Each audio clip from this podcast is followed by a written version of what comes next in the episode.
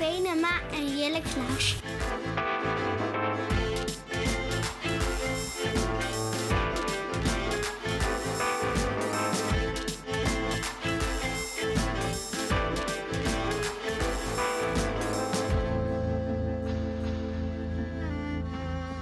Beste luisteraars, welkom weer bij Radio Rechtsstaat. De podcast over waarom de rechtsstaat ook jou aangaat. In deze aflevering gaan we het hebben over de rechten van en de rechtspositie van een belangrijk deel van onze samenleving: kinderen. We willen onder andere stilstaan bij de vraag wat kinderrechten zijn, of kinderen juridisch gezien minder waardig zijn aan volwassenen en of dat wel juist is. En we willen natuurlijk ook kijken naar de positie van kinderrechten in Nederland. Aan het eind van deze aflevering hebben jullie hopelijk een beter beeld over de rechten van kinderen en kun je makkelijker de discussie aangaan met je eigen kinderen als er weer eens met nieuwe eisen komen over zakgeld of laat naar bed gaan of ja, dat soort dingen. Ja, ja, ja, dat is zeker waarom je deze aflevering voorstelde, Jelle. Nu begrijp ik het. Of, uh, of probeer je alvast mensenrechtenadvocaatjes van ze te maken? Nou, mijn jongste die had wel laatst iets dat hij zich wilde beroepen op zijn kinderrechten, maar hij dacht dat mening en recht hetzelfde waren. Dus hij zei heel uh, stoer. Kinderen hebben ook een mening, hoor, papa. maar daar kan ik gewoon overheen walsen. Volwassenen ze hebben ook heel veel meningen. Uh, maar oké, nou goed, dat komt vast goed met ze. Uh, wij zijn in ieder geval heel erg blij dat we dit gesprek aan mogen gaan met Carla van Os, pedagoge en jurist. Onderzoeker aan de Universiteit Groningen, aan het Onderzoeks- en Expertisecentrum voor Kinderen en Vreemdelingenrecht. Hiervoor was uh, Carla werkzaam bij Defense for Children en dat is een internationale organisatie die wereldwijd opkomt voor de rechten van kinderen door bijvoorbeeld lobby en campagnes. Welkom, Carla, leuk dat je er bent. Hallo, ja, fijn om hier te zijn. Mooi. Nou toen je nog voor Defense for Children werkte, toen hebben wij heel veel samengewerkt op allerlei verschillende kinderrechten-issues. Ik was toen de advocaat voor die kinderen en jij deed de campagne of ondersteunde onze zaken met heel veel kinderrechtenkennis. En ik was altijd heel erg onder de indruk van je kennis, je aanpak en je inzet. En je zet die ook altijd met heel erg veel passie in. Uh, nou, toch als eerste vraag ook, hè, waar komt die passie voor kinderrechten bij jou vandaan? Nou, die is eigenlijk uh, best wel jong nog. Uh, als ik denk aan van wat heb ik nou meegekregen, dan is het meer een soort interesse voor mensen van buiten. Bij mijn vader thuis vroeger waren gastarbeiders in huis. Die werden opgevangen toen er heel veel gastarbeiders kwamen uit Turkije en er onvoldoende huizen waren. En er was toen een Turkse en een Koerdische familie waar altijd contact mee uh, uh, werd gehouden. Dus die waren ook bij belangrijke gebeurtenissen. En later ben ik uh, in het vluchtelingenwerk terechtgekomen als vrijwilliger. Had ik orthopedologie gestudeerd, dus ik ging meer als een soort hulpverlener mm. in dat werk. Um, en ik herinner me nog heel goed dat ik als, als vrijwilliger bij vluchtelingenwerk te maken kreeg met een Koerd uit Turkije. En ik zei, wat kom jij hier doen? Je komt uit een vakantieland. En hij schrok zich natuurlijk kapot. Want als je zelf uit een onderdrukte situatie komt, dan denk je dat iedereen dat ook weet en snapt. Maar dat is dus helemaal niet zo. Dus hij trok me in de mensenrechtenstrijd van de Koerden in Turkije. Daar ben ik heel veel jaren actief in geweest. En ik werkte toen bij Stichting Vluchteling. En op een gegeven moment zei uh, mijn baas tegen mij van... Carla, als je nou eens je tijd beter ging besteden dan elk weekend met een spandoek rondsjouwen, ga ze vak leren. En toen ben ik rechten gaan, uh, gaan doen, echt vanuit een mensenrechtenpassie dus. Ja. En ja, toen dat bijna klaar was, dacht ik eigenlijk, ja, eigenlijk is het heel logisch om dat te gaan combineren met mijn eerste studie orthopedagogiek. Want als je het hebt over kinderrechten, dan heb je het over wat hebben kinderen nodig om zich te ontwikkelen. En dat is, staat vrij abstract in, in zo'n verdrag. En juist vanuit de orthopedagogie kun je daar invulling aan geven, omdat je weet ja, wat, wat er echt nodig is voor kinderen om zich goed te kunnen ontwikkelen, om dat recht te realiseren. Hm. En bij Defense of Children heb je een heleboel verschillende issues uh, opgepakt toen je daar hebt, uh, hebt gewerkt. En ja, is er een specifieke casus die je het meest heeft geraakt of het meest bij is blijven hangen? Ja, ik denk een van de meest vormende, als ik het zo mag zeggen, zaken is geweest. Dat was een meisje, dat belde mij s morgens vroeg op. Um, en die zei, weet jij waar ik vannacht moet slapen? Hm. En ik zei, hoezo weet jij niet waar je moet slapen? Nou, ze waren uit het uh, asielzoekcentrum gezet omdat ze uitgeprocedeerd waren. En ik dacht, nou ja, dat kan niet waar zijn. Dat is een vergissing. Dus ik belde op hoge poten COA van, wat hebben jullie nu gedaan? COA is de opvang uh, voor asielzoekers. En, uh, en die mevrouw die was uh, net zo verontwaardigd als ik dat ik dat niet wist. Want het was gewoon gangbare praktijk. We zetten elke week werden gezinnen met kinderen op straat gezet. Geklinkerd noemden ze dat toch? Ja, dat ja. woord durf ik nooit meer te gebruiken sinds een activisme uitlegde waar dat woord weer vandaan ja. kwam. Geklinkerd? Ja, ja op maar straat goed, dus, uh, gezet dat, op de klinkers. Oké. Okay. Ja. Ja, maar het heeft een andere betekenis ook, hè? Ken je die? Nee, nou ja, nee, maakt verder niet dat uit. Is voor een ander La moment. ja. terzijde. Maar ik herinner me echt nog goed dat ik dacht, nou, dit kan toch niet? Zoiets bazaals. Ik bedoel, je hoeft echt geen rechten of orthopedagogie gestudeerd te hebben om te weten dat je een kind niet op straat kan laten staan. En dat dat gebeurde in stilte, dat niemand daar tegen protesteerde. Ik, dat is heel, uh, heel vormend geweest in mijn uiteindelijke passie voor kinderrechten, denk ik. Ja, dat is een heel helder, helder voorbeeld. Nou, en je was ook een tijdje in de running om kinderombudsman of kinderombudsvrouw uh, te worden. En inmiddels werk je aan de universiteit. Uh, bevalt het je eigenlijk om wat academischer en iets minder activistisch bezig te zijn, als dat al zo is? En, en waarom? Het bevalt heel erg goed. Ja, ik ben eigenlijk altijd, ja, wat ze in de brugklas noemen, studie geweest. Ik heb altijd gestudeerd, ook naast mijn werk. En nu net weer een proefschrift afgerond. En ja, het voelt alsof ik nu eindelijk van mijn, van mijn hobby werk heb gemaakt. Ik word gewoon betaald om mijn hobby eh, uit te oefenen. Ik vind het heerlijk. En de idealen zijn nog even levend. En ik denk dat het ook heel belangrijk is om uh, lobby en actie voor kinderrechten te voeden met wetenschappelijke kennis. En ik heb zelf in mijn lobby ook altijd heel erg geleund op de wetenschappelijke kennis van mijn huidige collega's uit Groningen. Daar hebben we altijd heel veel gebruik van gemaakt, bijvoorbeeld met, uh, met de acties voor het kinderpardon. En het is fantastisch om daar dan nu ook vanuit die hoek een bijdrage aan te mogen leveren. Dus dat was een hele goede tip van je baas bij Stichting Vluchteling, begrijp ik. Maar ja. sta je nog wel eens met een spandoek ergens? Jawel hoor. Ja, dat wel. Oké. Okay. Uh, terug uh, naar, want deze aflevering gaat over kinderrechten. Ik heb uh, geen kinderen en ik weet ook niet zoveel van kinderrechten. dus ik ben heel benieuwd terug naar de basis. Wat zijn nou precies kinderrechten? Ja, um, als ik mag zeggen, het zijn dingen. Materiële dingen, onderdak, maar heel veel immateriële dingen, zoals recht op vrije meningsuiting of, of recht op vrijheid. En die dingen, die heb je als kind. Gewoon simpelweg omdat je een kind bent. Omdat je jonger bent dan 18 jaar. Dus die heb je vanzelf.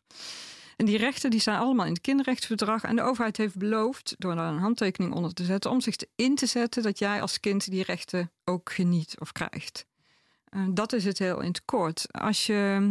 Want, wat, want vrijheid van meningsuiting heb ik als boven de 18 persoon ook, zeg maar. Maar wat is dan specifiek een kinderrecht? Wat maakt het een kinderrecht? Ja, misschien is het handig om eerst even naar het kinderrechtsverdrag zelf te kijken. Heel grofweg kan je dat verdelen in vier soorten rechten. Je hebt uh, verbodsrechten, even simpel gezegd. Dat zijn dingen die je niet mag doen als overheid. De kinderen moeten beschermd worden tegen mishandeling, tegen uitbuiting. Je mag kinderen niet opsluiten als daar geen wettelijke grond voor is. En en als je niks beters weet, want dat moet ook echt een uiterste maatregel zijn.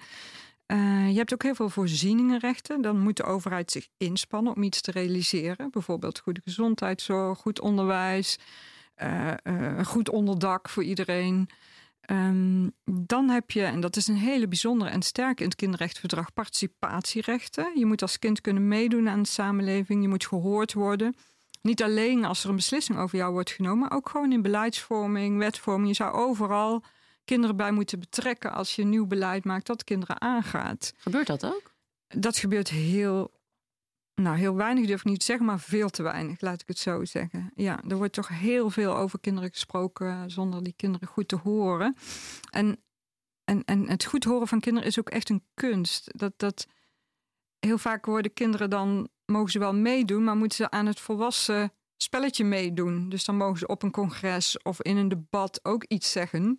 Terwijl dat heel vaak dan niet de meest geschikte manier is om kinderen een mening te laten uiten. Kinderen nee, hebben hele eigen manieren van expressie. Ja, als je, ik kan me zo voorstellen dat als je in een Tweede Kamerdebat ook even een kind aan het woord laat, dat iedereen dan denkt: Oh, lief dat zij of hij ook iets gezegd heeft. En dan ga je vervolgens weer door met het grote mensengesprek. Of... Ja, dat zie je inderdaad nog veel. We noemen dat een soort symboolparticipatie. Uh, uh, maar het zou anders ja. moeten dus. Ja, dat kan beter, maar ook, ja, ook veel, veel beter. Ja, in alle soorten beslissingen. Er worden zoveel beslissingen over kinderen genomen de hele dag door. Uh, zowel op beleidsniveau, maar natuurlijk ook heel veel praktische beslissingen. Kan je eens een voorbeeld noemen? Nou ja, uh, denk aan uh, in, in de hele jeugdbescherming, als er beslissingen worden genomen over of kinderen onder toezicht gesteld moeten worden of kinderen uit huis geplaatst moeten worden. Formeel zit daar wel ook een, in, in dat onderzoek een stuk in van wat vinden de kinderen. Maar je, je ja, je ziet toch wel veel dat die mening niet op een goede manier wordt uh, uh, verzameld. en ook dat die vaak niet zwaar genoeg weegt. Ja. En nog even terug naar het kinderrechtenverdrag. Daar zaten oh ja, dus vier elementen. Sorry. Wat was de vierde? Ja, nee, ja. nee, gewoon... Oh, consistent ja. Heel goed, Jelle. Ja. en de vierde groep rechten zijn, ik noem die maar even de voorrangsrechten. En het kinderrechtenverdrag uh, die, die, die zegt van er zijn bepaalde kinderen die vanwege hun kwetsbare positie recht hebben op extra uh, bescherming, bijzondere bescherming. Dat zijn bijvoorbeeld kinderen die gevlucht zijn en asiel aanvragen, kinderen die gehandicapt zijn, kinderen die uh, met justitie in aanraking zijn gekomen, of kinderen die niet thuis kunnen wonen, in een pleeggezin wonen. Dat zijn bijzondere groepen kinderen die ja, een, een, een ontje meer hebben, zeg maar. Oké. Okay. Eh, eh, terugkomend op wat je net zei, ik vond het uh, interessant. Ik wist dat helemaal niet dat kinderen zoveel meer geconsulteerd zouden moeten worden dan gebeurt. Ik wist überhaupt niet dat het de bedoeling was. Vind jij eigenlijk dat kinderen zouden moeten kunnen stemmen eerder dan ze dat nu kunnen? Of op een andere manier geraadpleegd zouden moeten worden als het om de regering van ons land gaat? Onze democratie? Nou, er zijn wel initiatieven om kinderen te betrekken bij politiek ik weet eerlijk gezegd niet precies of dat goed genoeg is of niet. Uh, maar stemmen is natuurlijk wel een belangrijke vorm van invloed uit te oefenen. Er zijn landen uh, waar men bezig is om te kijken of die grens verlaagd kan worden na 16 jaar. Ik kan me indenken dat dat ook interessant is uh, in Nederland. Ik, ik, ik weet niet zo. Ik heb daar niet zo'n uitsproken mening over, laat ik het zo zeggen. Het zou kunnen. En ik denk in heel veel gevallen dat het dat kinderen al prima op hun zestiende weten wat zij belangrijk vinden uh, voor het land. Want het is op een gegeven moment ook van 23 naar 18 teruggeschroefd, toch? Het begon met 21 of 23? In veel landen mag je ook pas, uh, nou goed, hoe dan ook. Nou ja, je kunt je zo is, voorstellen. Het is natuurlijk al eens eerder teruggeschroefd. Maar, op duurzaamheid ja. of zo kan ik me voorstellen dat kinderen uh, de toekomst uh, veel meer in ogen hebben dan het belang van een bedrijf. En dat, wat dat betreft komt het erg overeen met wat ik zelf ook vind. Maar als je kijkt naar wat het bij het Jeugdjournaal altijd gestemd wordt door die kinderen voorafgaande de Tweede Kamerverkiezingen, dan weet ik ook niet of ze het heel veel beter gaan doen dan volwassenen. De kinderen leunen natuurlijk nog heel erg op wat ze thuis ja. leren. Nou ja, precies. Ja, ja. ja. Die, die kinderrechten, we hebben het een beetje over, over Nederland nu, hoe dat hier zit. Eh, maar zijn die universeel? Uh, of kunnen we zeggen dat er universele kinderrechten zijn? Of worden die bepaald door waar je woont? Nee, kinderrechten zijn bij uitstek universeel. Um, je moet bedenken, het zijn, het zijn minimumnormen. Waar alle landen ter wereld, behalve de Verenigde Staten, uh, uh, het over eens zijn. Dus de hele wereld vindt dat deze rechten het minimale is uh, wat we kinderen kunnen bieden of moeten bieden, wat je kinderen moet garanderen. En het is ook belangrijk om je te realiseren dat ze daar tien jaar over gesproken hebben. Dus al die landen in de wereld hebben tien jaar lang, van 1979 tot 1989, onderhandeld over elk woordje dat in het verdrag staat. En daarom noemen we dat ook minimumnorm. Want het is, het is maximaal haalbare wat al die landen in, in, in, uh, in die onderhandelingen samen uh, konden bereiken. Was er een aanleiding dat ze erover begonnen in 79? Ja, de VN had toen uh, het, jaar, het internationale jaar van het kind uitgeroepen. En toen kwam er ook weer een nieuwe verklaring voor de rechten van het kind. Die was er ook al in 1959 en in 1924 zelfs. Altijd uh, dat is altijd een beetje in de nasleep van, van de beide wereldoorlogen uh, gebeurde dat. Uh, dus die aanleiding was toen dat jaar, maar die, die ligt veel verder terug in de geschiedenis uiteindelijk. Dat, is een, ja, dat begint al ja, eigenlijk direct na de Eerste Wereldoorlog. Oké, en ik kan me zo voorstellen dat er. Want oké, het zijn universele kinderrechten. We zijn het daar behalve de Verenigde Staten trouwens interessant. Waarom niet? Uh, ben ik ook benieuwd naar. Maar zijn we het erover eens? En toch zie je dat de kijk op volwassenheid per land nog best wel kan verschillen, volgens mij. Want uh, ik heb uh, in mijn jeugd in Bangladesh gewoond, waar ik toen op het, weet ik nog, op het huwelijk was van een meisje van 14. Uh, dus op dat moment was, en dat werd door iedereen geaccepteerd en gewoon gevonden. Nou, weet ik niet wat dat zegt over het hele land, maar wel in elk geval in die omstandigheden waar ik was, was dat gewoon dat zij mocht trouwen met 14. Dat zou hier heel ongebruikelijk zijn. Heb jij, uh, heb jij daar een beeld van? Nou ja, eigenlijk is, is dat idee van dat het minimumnormen zijn wel het kader daarvoor. Kijk, bijvoorbeeld in heel veel landen is meisjesbesnijdenis heel gebruikelijk. Um, en toch staat er in het kinderrechtenverdrag dat overheden maar, uh, kinderen moeten beschermen tegen traditionele uh, gebruiken die schadelijk zijn voor hun ontwikkeling. En wat betreft het volwassen zijn, kijk, in Nederland is het verboden. En dat zal dan heel erg gelinkt zijn, de interpretatie daaraan, van, van belemmert het kind in ontwikkeling, in het recht op educatie. Wat betekent dat feitelijk voor de ontwikkeling van het kind als het gaat trouwen? Het staat aan zich niet als een verbod natuurlijk in, uh, in het kinderrechtenverdrag. Er is best veel ruimte van culturele invulling. Ook die, die kijk zeg maar, op volwassenheid. Uh, ik las laatst bijvoorbeeld een heel interessant onderzoek over veerkracht bij Palestijnse vluchtelingenkinderen in kampen. En daarin kwam naar voren dat een heel belangrijke bron voor hun veerkracht was het feit of ze konden bijdragen aan de inkomsten van het gezin. en daar verantwoordelijkheid in konden nemen. Dat maakte hen krachtig en weerbaar. En dat, is, ja, dat, dat ziet natuurlijk heel anders uit dan voor een jongere in Nederland. Ik denk niet dat dat dan in strijd met het kinderrechtenverdrag is. Nee, dus het Mits de, de ontwikkeling van het kind gewaarborgd is. Dat is eigenlijk de basis. En die kan je natuurlijk op heel veel verschillende manieren invullen. Ja, het geeft ruimte voor invulling vanuit specifieke omstandigheden. Ja, ik, als ik nog één ding. Er is een interessante kinderrechtenzaak van over de Senegalese Tilibe eh cases. Dat gaat over allemaal kinderen die daar meelopen in hun jeugd me- met allerlei soort. Nou, dat wordt dan islamitische scholen. ehm, en dan hebben ze een soort leermeester. En dat is, nou, wordt al heel lang ook in Senegal gezegd dat dat gaat gewoon helemaal niet goed. Die kinderen worden op allerlei manieren moeten bedelen, worden geslagen en noem maar op. En dat is een hele interessante uitspraak van. ehm, een, het Afrikaans kinderrechtenhof, om maar zo te zeggen. Waarin ze ook heel erg vanuit die cultuur kijken, maar ook naar die universele rechten. En zeggen van ja, dit, dit kan gewoon niet. En dat wordt ook heel breed in die samenleving gedragen. Dus ondanks dat de voorstanders van dat gebruik om die kinderen dus al heel jong mee te geven aan zo'n leraar, eh, werd er ook in die uitspraak toch wel heel erg naar gekeken van ja, maar ook vanuit onze basiswaarden. Ja, gaat dit gewoon op zoveel punten verkeerd? En nou, dan wordt het kinderrechtenverdrag dus heel erg ook gekoppeld aan, ja, dit vinden we hier ook niet oké. Want hoe denk jij dat dat zit met bijvoorbeeld inderdaad besnijdenis van meisjes? Of, Carla of Jelle, jullie zijn allebei eh, jurist, ik weet het echt niet. Ik bedoel, eh, is dat dan ook iets wat volgens het kinderrechtenverdrag onder bepaalde omstandigheden wel zou moeten kunnen? Of is dat iets wat echt nooit zou moeten kunnen? Nee, ja, kijk, het staat er uiteraard niet letterlijk in. Wat ik zei, het staat, het staat erin als traditionele gebruiker. En het is wel eh, in heel veel commentaren van het kinderrechtencomité beschreven dat daar meisjesbesnijdenis eh, onder meer onder valt. Eh, dus daar is geen discussie over. En ook niet dat dat niet goed is voor de ontwikkeling van kinderen. Dus dat is heel duidelijk. Dat is duidelijk. Oké, Ja. gelukkig. Eh, want kunnen kinderen eigenlijk voor hun eigen rechten opkomen? Eh, stel dat je, eh, dat je de zoon van eh, Jelle bent en eh, eh, je wilt. eh, nee, wacht, laat ik dat even niet doen. stel dat je mijn kind bent en je wil veganistisch eten en ik zeg nee, niks ervan, pas als je 16 bent of zo. Zo ben ik ook opgevoed. Eh, mag ik dan zeggen, nou, ik, eh, ik, ik vind het niet oké. Ik ga mijn ouders aanklagen. Biefstuk op nu. Ja. Dat is een hele juridisch ingewikkelde vraag. Want die is eh, op, op, bij allerlei procedures is dat verschillend. Maar als je het hebt over de verhouding tussen kinderen en ouders, dan heb je het eh, grofweg over het familierecht. En binnen het familierecht eh, is in beginsel zijn je ouders je wettelijke vertegenwoordigers. En dat betekent dat als je een procedure wil aanspannen, dan moet je. Dan moeten je ouders dat doen. Nou, die kans is niet zo groot eh, in dit geval, denk ik. Er zijn overigens wel heel veel uitzonderingen op. Ik geloof ongeveer 15 zelfs. Eh, bijvoorbeeld als je als eh, kind van ouder dan 12 jaar... kan je een formeel verzoek aan de rechter doen. Via een advocaat moet dat wel. Eh, om een ondertoezichtstelling op te heffen... of een uithuisplaatsing eh, op te heffen. En verder kunnen kinderen van alle leeftijden... informele verzoeken aan de rechter doen... over dingen die gaan over het gezag... of de omgangsregeling bijvoorbeeld als ouders gescheiden zijn... En alleen de rechter hoeft daar niks mee te doen. Dus dan heb je niet zo'n formele procedure. Dan ligt het aan de alertheid eh, van de rechter of, of daar een procedure van komt. En tenslotte heb je ook nog de bijzonder curator.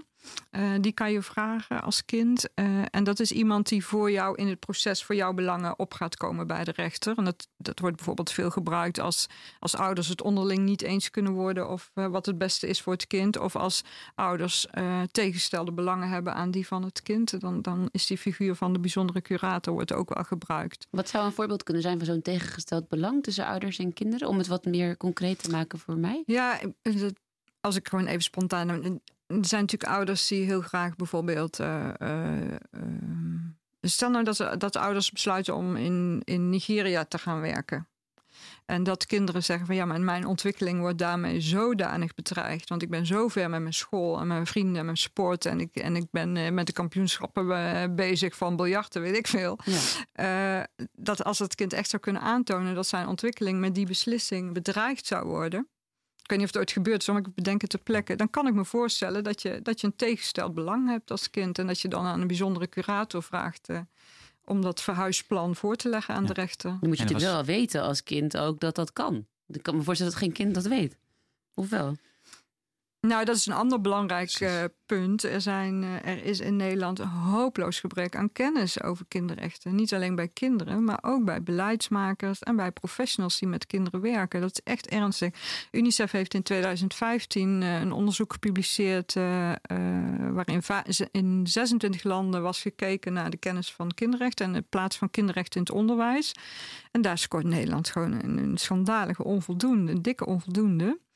En de overheid in Nederland heeft altijd gezegd: wij, wij kunnen dat niet opleggen in het onderwijs, in het curriculum kinderrechten, want uh, er is onderwijsvrijheid. Bovendien hebben we een leerdoel burgerschapsvorming en daar vindt dat voldoende zijn weg. Um, terwijl het, het VN-Kinderrechtencomité heeft in 2015 voor de vierde keer in Nederland opgeroepen om, om, om dat beleid te veranderen en wel kinderrechten echt een plek te geven in het curriculum. Kijk, als je zelf niet weet wat je rechten zijn, kan je er ook niet voor opkomen. Dat is eigenlijk heel simpel. Dat is wel een ernstig uh, manco, vind ik, in Nederland. Ja, dat is, uh, dit is ook een heel lange lobby, ook vanuit allerlei kinderrechtenorganisaties dat proberen. Het is echt heel, heel pijnlijk. Maar goed, om nog heel even terug te komen op, op de kinderrechten ten opzichte ook van de rechtsstaat en de samenleving. Kinderen hebben minder rechten dan volwassenen. We hebben al een heleboel van die punten besproken. Ze mogen dus inderdaad niet stemmen, uh, ze mogen niet drinken, ze mogen voor het grootste deel van hun kindertijd niet auto rijden of een huis kopen. Ja, wat is eigenlijk de gedachte erachter dat de rechtsstaat eigenlijk deze groep burgers, want het zijn wel burgers, dat, dat ze minder rechten hebben toegekend gekregen? Ja, ik ben het er niet mee eens dat kinderen minder rechten hebben. Kinderen die hebben, die vallen onder alle mensenrechtenverdragen. Mensenrechten gaan altijd over mensen van alle leeftijden.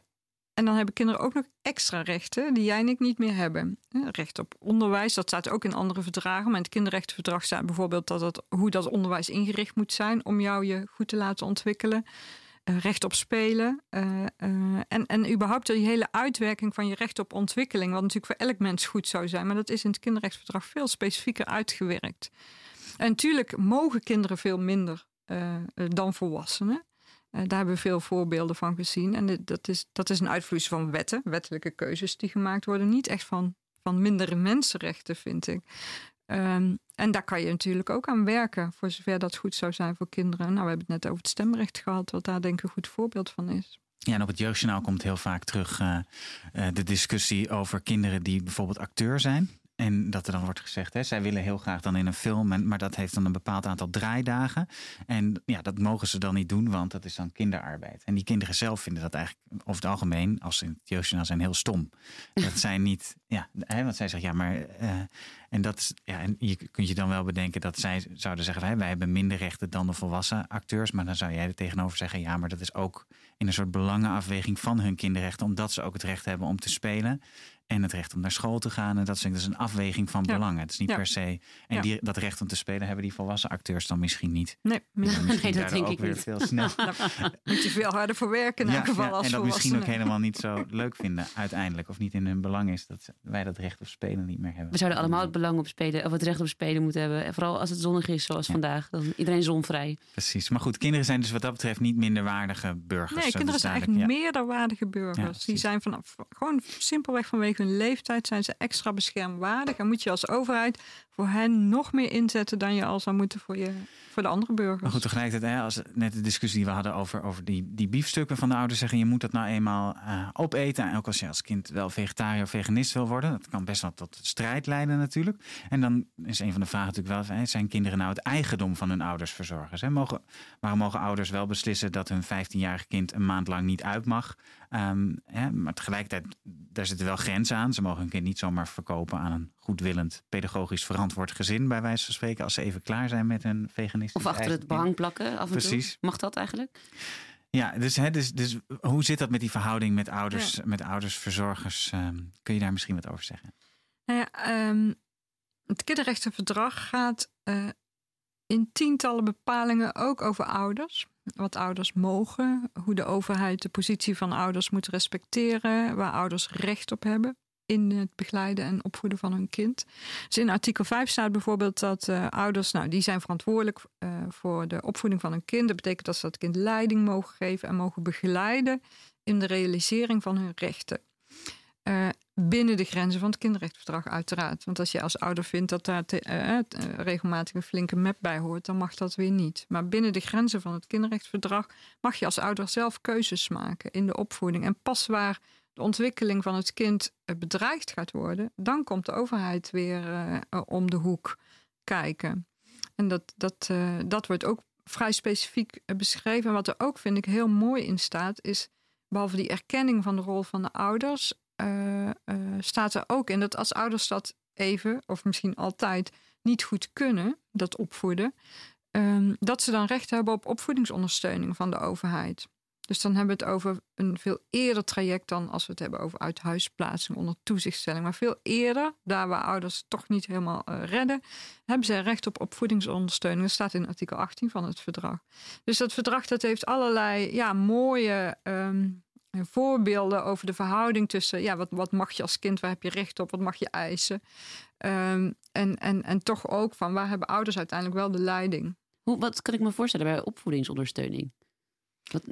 Hoe zou ja, dat zich uiten? Ja, de, die, onder, uh, de, die, uh, die wordt bijvoorbeeld geboden binnen de jeugdzorg. Uh, gesprekken met ouders als zij vragen hebben over de opvoeding. Of, of dat kind zich niet prettig voelt bij bepaalde dingen. En de ouders weten niet goed hoe ze daarmee om moeten gaan. dat is een voorbeeld van die opvoedingsondersteuning. Ja, waar ik het vaak wel lastig vind, omdat vaak opvoedingsondersteuning wordt puur pedagogisch toegepast. Dus hè, er wordt er gezegd van nee, de ouders voeden de kinderen niet goed op. Dus we geven tips over hoe je dat kan doen. Terwijl als ouders bijvoorbeeld te weinig geld hebben of schulden hebben of heel veel stress hebben, dan wordt er tenminste niet in het algemeen gezegd van nou dan gaan we die ouders ook helpen om uit die problemen te komen. Als die pedagogische problemen komen natuurlijk vaak voort uit ja, andere uh, issues. En ik vind dat er vaak wel wat smal naar wordt gekeken. Dat, het, ja, hè, dus dat, dat klopt. En het is ook absoluut in strijd met het kinderrechtenverdrag. Want ook daar hebben we, zoals Jelle weet, een fantastisch artikel uh, over. Dat is 27. Daarin staat dat, dat kinderen recht hebben op een toereikende levensstandaard. Die, en die, die, wat is toereikend? Dat is dat alles wat je nodig hebt om je optimaal te kunnen ontwikkelen. Uh, en dan staat er in lid 1 van dat artikel dat ouders daarvoor verantwoordelijk zijn. En dan vervolgens wordt er in het vervolg van dat artikel gezegd: als ouders dat niet kunnen, dan moet de overheid bijspringen. En dan gaat het minimaal over onderdak, kleding, eten. Heel concreet. Uh, dus in feite zou dat niet moeten mogen. Dat ouders vanwege armoede in de problemen komen met de opvoeding uh, van hun kinderen. Dat zou echt in strijd zijn met het kinderrechtenverdrag. En dat is het ook. Maar dat is niet de praktijk. Nee, dat is uh, op heel veel fronten inderdaad niet de praktijk. Dat is ook iets. Ik las bijvoorbeeld, uh, als je kijkt naar de jeugdwet, die wordt op dit moment geëvalueerd. Uh, en er is veel discussie over, over nou, alles wat er nog niet goed is met, met de jeugdhulp. En een van de punten van kritiek die ik daarover las, is dat, dat in, in de in beginsel vrijwillige hulpverlening, hulpverleners wel eens drang gebruiken. En dat heet dan dranghulp. Uh, uh, waarbij ze ouders bedreigen. Uh, van nou, als je nu niet meewerkt, dan gaan we je kinderen uit huis plaatsen. Ja. Nou ja, dat is natuurlijk absurd. Dat, dat, mag, dat mag gewoon echt niet. Nee, maar dat als chantagemiddel bijna ingezet. Of in ieder geval als stok, hele zware stok achter de deur. Ja. en zo dus als je als ouder, als je als overheid echt verantwoordelijk zou voelen... dat elke ouder in staat is om een kind minimaal... en nogmaals, het zijn minimumnormen. Hè? Gewoon minimaal te voorzien in genoeg geld zodat het kind zich goed kan ontwikkelen. Uh, en dat, dat is natuurlijk mogelijk in Nederland. Nederland is een superrijk land. Het is absurd dat dat, dat, dat überhaupt dat we hierover moeten praten. Het is er gewoon. Um, het is een kwestie van verdelen. En wanneer, wanneer zouden jullie dan vinden dat een kind wel daadwerkelijk uit huis, uit huis geplaatst zou moeten kunnen worden?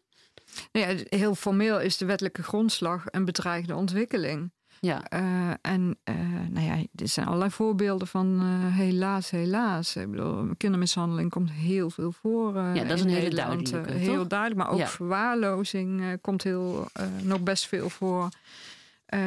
En natuurlijk moet je dan eerst even, eerst even, moet je eerst zorgvuldig kijken van in hoeverre zijn die problemen ontstaan door allerlei sociaal-economische omstandigheden die op te lossen zijn. Ja. Maar er zijn heel vaak, uh, heel vaak in Nederland situaties waarin het gewoon echt niet meer veilig is voor kinderen en ze beter in een andere plek uh, opgevangen kunnen worden. Maar uh, een belangrijk uitgangspunt is dat het een ultimum remedium is, dus een laatste redmiddel.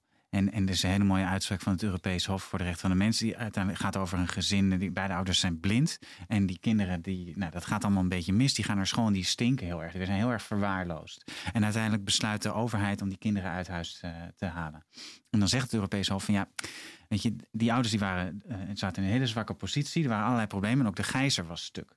Dus je had ook als overheid kunnen zeggen: kom, we gaan er even tegenaan staan met z'n allen. We gaan die gijzer fixen, we regelen een goede douche, we gaan die ouders helpen om te zorgen dat die kinderen niet meer verwaarloosd zijn. In het belang van het kind, In het belang van het kind. En, en, dat was echt, dit was gewoon een, een, een, shortcut, zeg maar. Dit is niet het ultimum remedium, niet het als laatste redmiddel. Er zijn een heleboel dingen die je kunt doen: huisvesting bieden, desnoods geld geven aan een gezin, waardoor je uiteindelijk niet, want het is natuurlijk enorm heftig als je kinderen uit huis uh, haalt. Dus ja. er zijn wel situaties waarin het echt niet anders kan, maar volgens mij kan de overheid veel meer doen op dat vlak. Ja. Ja, daar ben ik met je eens. En we hebben dat zelf natuurlijk ook, uh, uh, Jelle, jij en ik, uh, heel erg bevochten in het proces over dat recht op onderdak. Om even terug te komen op dat meisje dat s'avonds niet wist waar ze moest slapen. Daar is jarenlang over geprocedeerd bij de Raad van Europa uiteindelijk op basis van het Europees Sociaal Handvest. Um, en dat ging ook over die, die, die kwestie van moet je als overheid iets doen als de ouders niet in staat worden gesteld, in dit geval, om onderdak te verzorgen. Dus als je asielzoekers, als ze uitgeprocedeerd zijn, op straat zet en geen toegang tot de woningmarkt, ehm, ja, dan, dan, dan zet je kinderen op straat. En dat mag gewoon niet volgens allerlei verdragen. En dus heel lang was daar discussie over. Eh, en uiteindelijk was het voor het comité vrij simpel. Ehm, dat mag niet. En in Nederland duurde het vervolgens nog een paar jaar voordat dat echt hier in beleid verankerd werd, dat dat niet mocht. En, en in die hele periode zijn er denk ik heel wat mensen dan op straat gezet.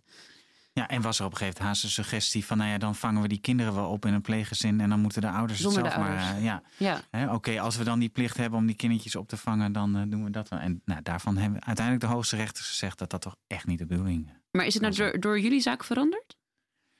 En natuurlijk door heel veel mensen die zich daar actief voor hebben ingezet. Mede door jullie zaak maar veranderd. door de zaak van ook van Pim Fischer en dat kantoor en Defense for Children en alle mensen die daaraan hebben gewerkt, is er nu opvang. Uh, was niet als reclame bedoeld hoor, maar het is toch wel interessant om hier met twee mensen te zitten die daar kennelijk iets mee te maken hebben gehad. Dat vind ik wel tof.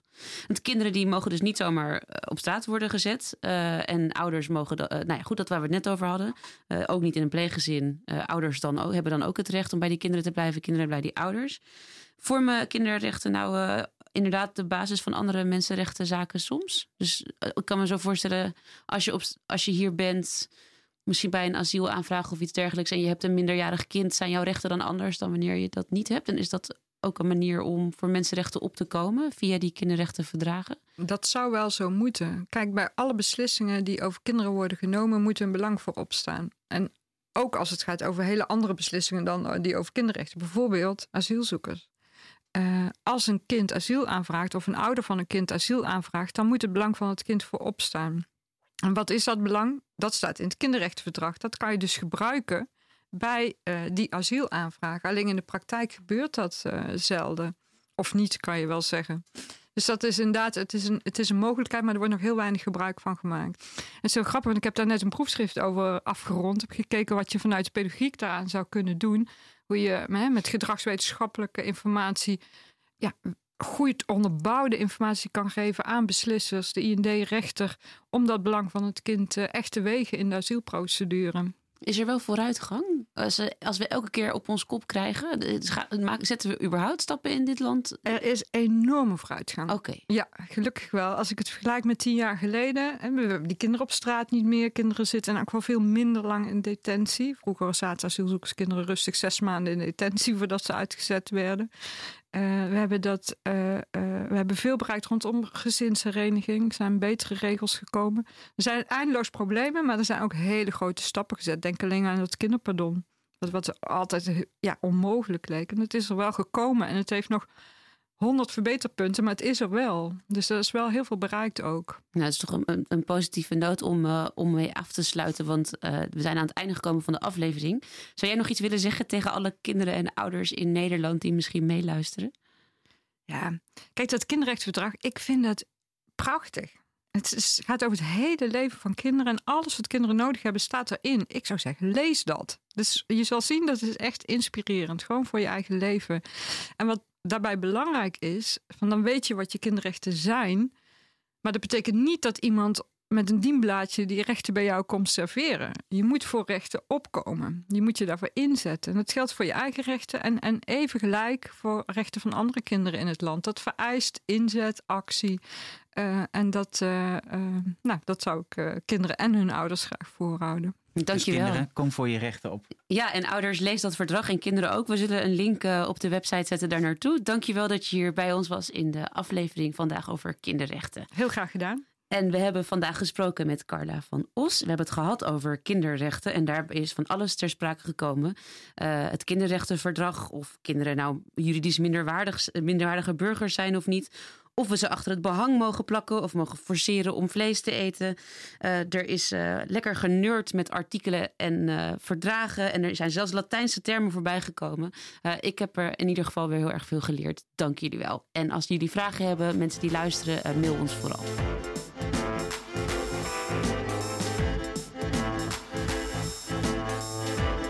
Dit was de laatste aflevering van het tweede seizoen van Radio Rechtsstaat.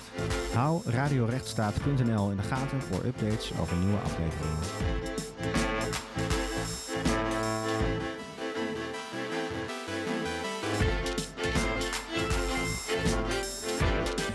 Radio Rechtsstaat is gemaakt door Nienke Venema, Jelle Klaas en Andreas Willemsen en wordt opgenomen bij Salto in Amsterdam.